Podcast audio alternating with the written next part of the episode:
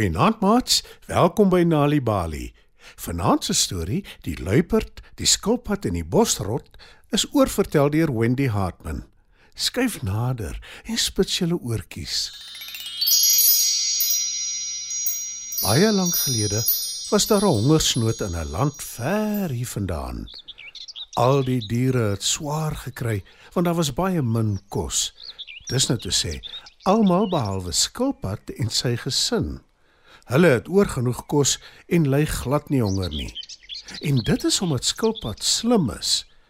Hy het heel aan die begin van die hongersnood op 'n meer vol vis afgekom en hy het niemand daarvan vertel nie. Dit beteken net hy, sy vrou en sy kinders eet die vis. Elke oggend vroeg gaan skilpad na die meer toe en bring net genoeg vis terug vir hom en sy gesin om te eet. Luiperd aan die ander kant is gedurig honger. Daar is niks om te vang en te eet nie. Toe op 'n dag kom Luiperd agter dat skilpad en sy gesin glad nie honger ly nie. En sy wil weet waar hy sy kos kry, Ek gaan hom dophou en agterkom wat aangaan. sê Luiperd. Die volgende oggend vroeg kruip sy in die lang gras buite skilpad se huis weg. Sy wag en sy wag en uiteindelik sien sy hom aangeloop kom met 'n swaar mandjie. Daar moet kos in die mandjie wees. Anders sou hy nie so swaar gedra het nie. sê luiperd. En toe skilpad amper by sy huis is, spring sy agter die lang gras uit en roep: Wat het jy daar in die mandjie, skilpad? "Skilpad, wat haar glad nie daar verwag het nie, skrik hom eers boeglam. Maar toe ruk hy hom reg en sê: Vuur maak hout. Ek het hout bymekaar gemaak. Dis wat in die mandjie is. "Maar skilpad het vergeet luiperd kan baie goed ruik." Sy snuif snuif 'n slag in die lug en toe sê sy: Ek ruik vis. En ek kan alles opeet. "Skilpad weet hy kan nooit vir luiperd weghardloop nie. Behalwe dat hy net baie, baie stadig kan loop, is luiperd amper die heel vinnigste dier op land. Maar skilpad is baie slim en hy sê slinks. Jy's reg, luiperd. Daar is vis in die mandjie. Ek sê jou wat. Kom ek en jy maak 'n feesmaal daarvan. Luiperd kyk agterdogtig na skilpad en vra. Wat het jy in gedagte? Skilpad glimlag onskuldig en antwoord: Kom ons maak ons tuis onder die koelteboom. Jy kan solank die vuur in die gang kry.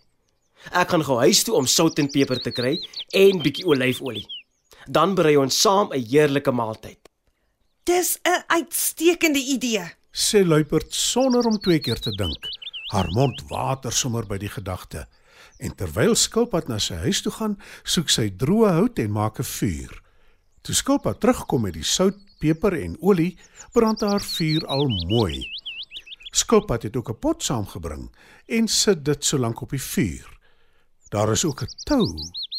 Luiperd verstaan nie mooi nie en sy vra: Waarvoor die tou, skilpad? Ek het gedink terwyl ons wag vir die vuur, kan ons 'n speletjie speel. Hoe lyk dit?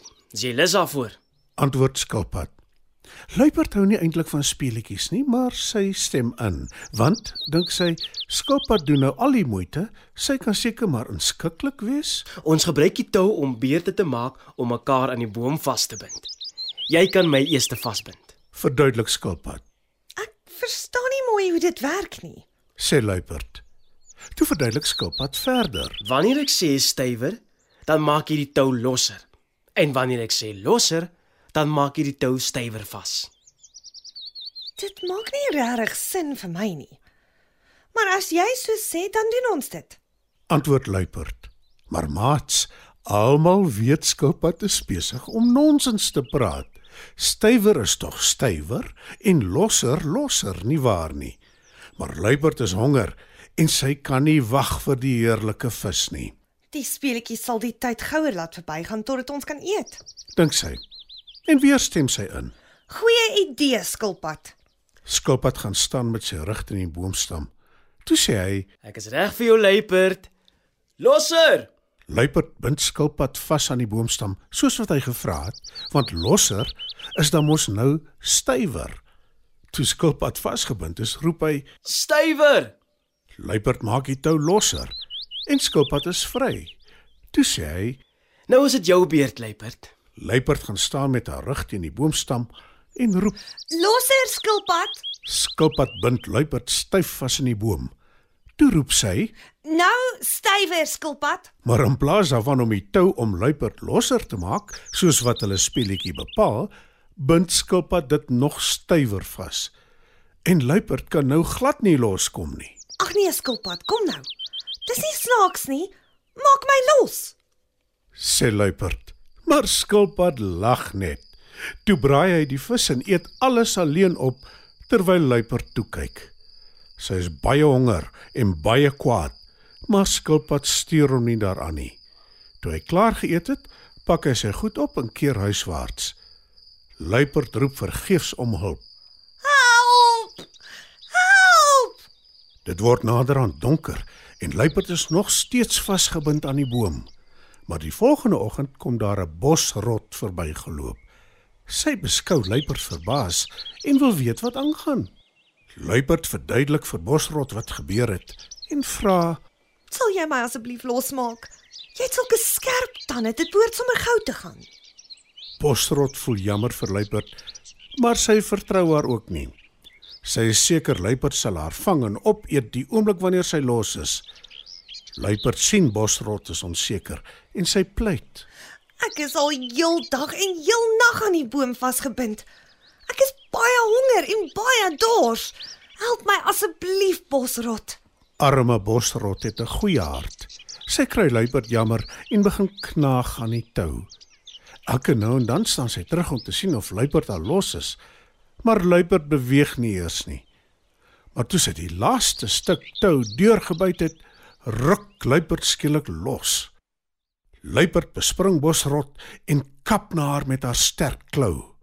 Gelukkig vir bosrot het sy dit verwag en sy duik vinnig in 'n gat in die grond in maar die merke van luiperd se klou is duidelik te sien op haar rug. Van die dag af praat luiperd en skilpad glad nie met mekaar nie. En bosrot praat glad nie met luiperd nie, maar ook nie met skilpad nie, want hy het al die moeilikheid begin met sy skelmstreke. En die merke wat luiperd op bosrot se rug gemaak het toe sy haar wou vang, gaan nooit weg nie.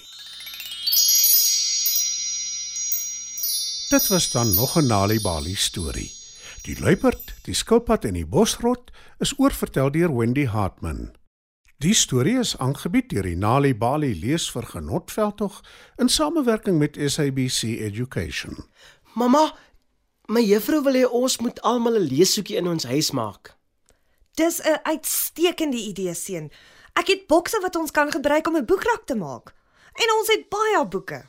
Volwassenes kan kinders leer om tuis te lees deur leeshoekies te skep en gereelde tye in te ruim om saam met hulle stories te lees.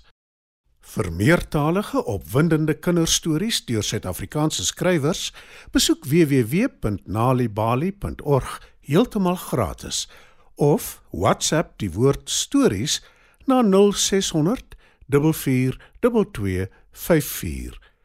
Nalibali. Dit begin met 'n storie.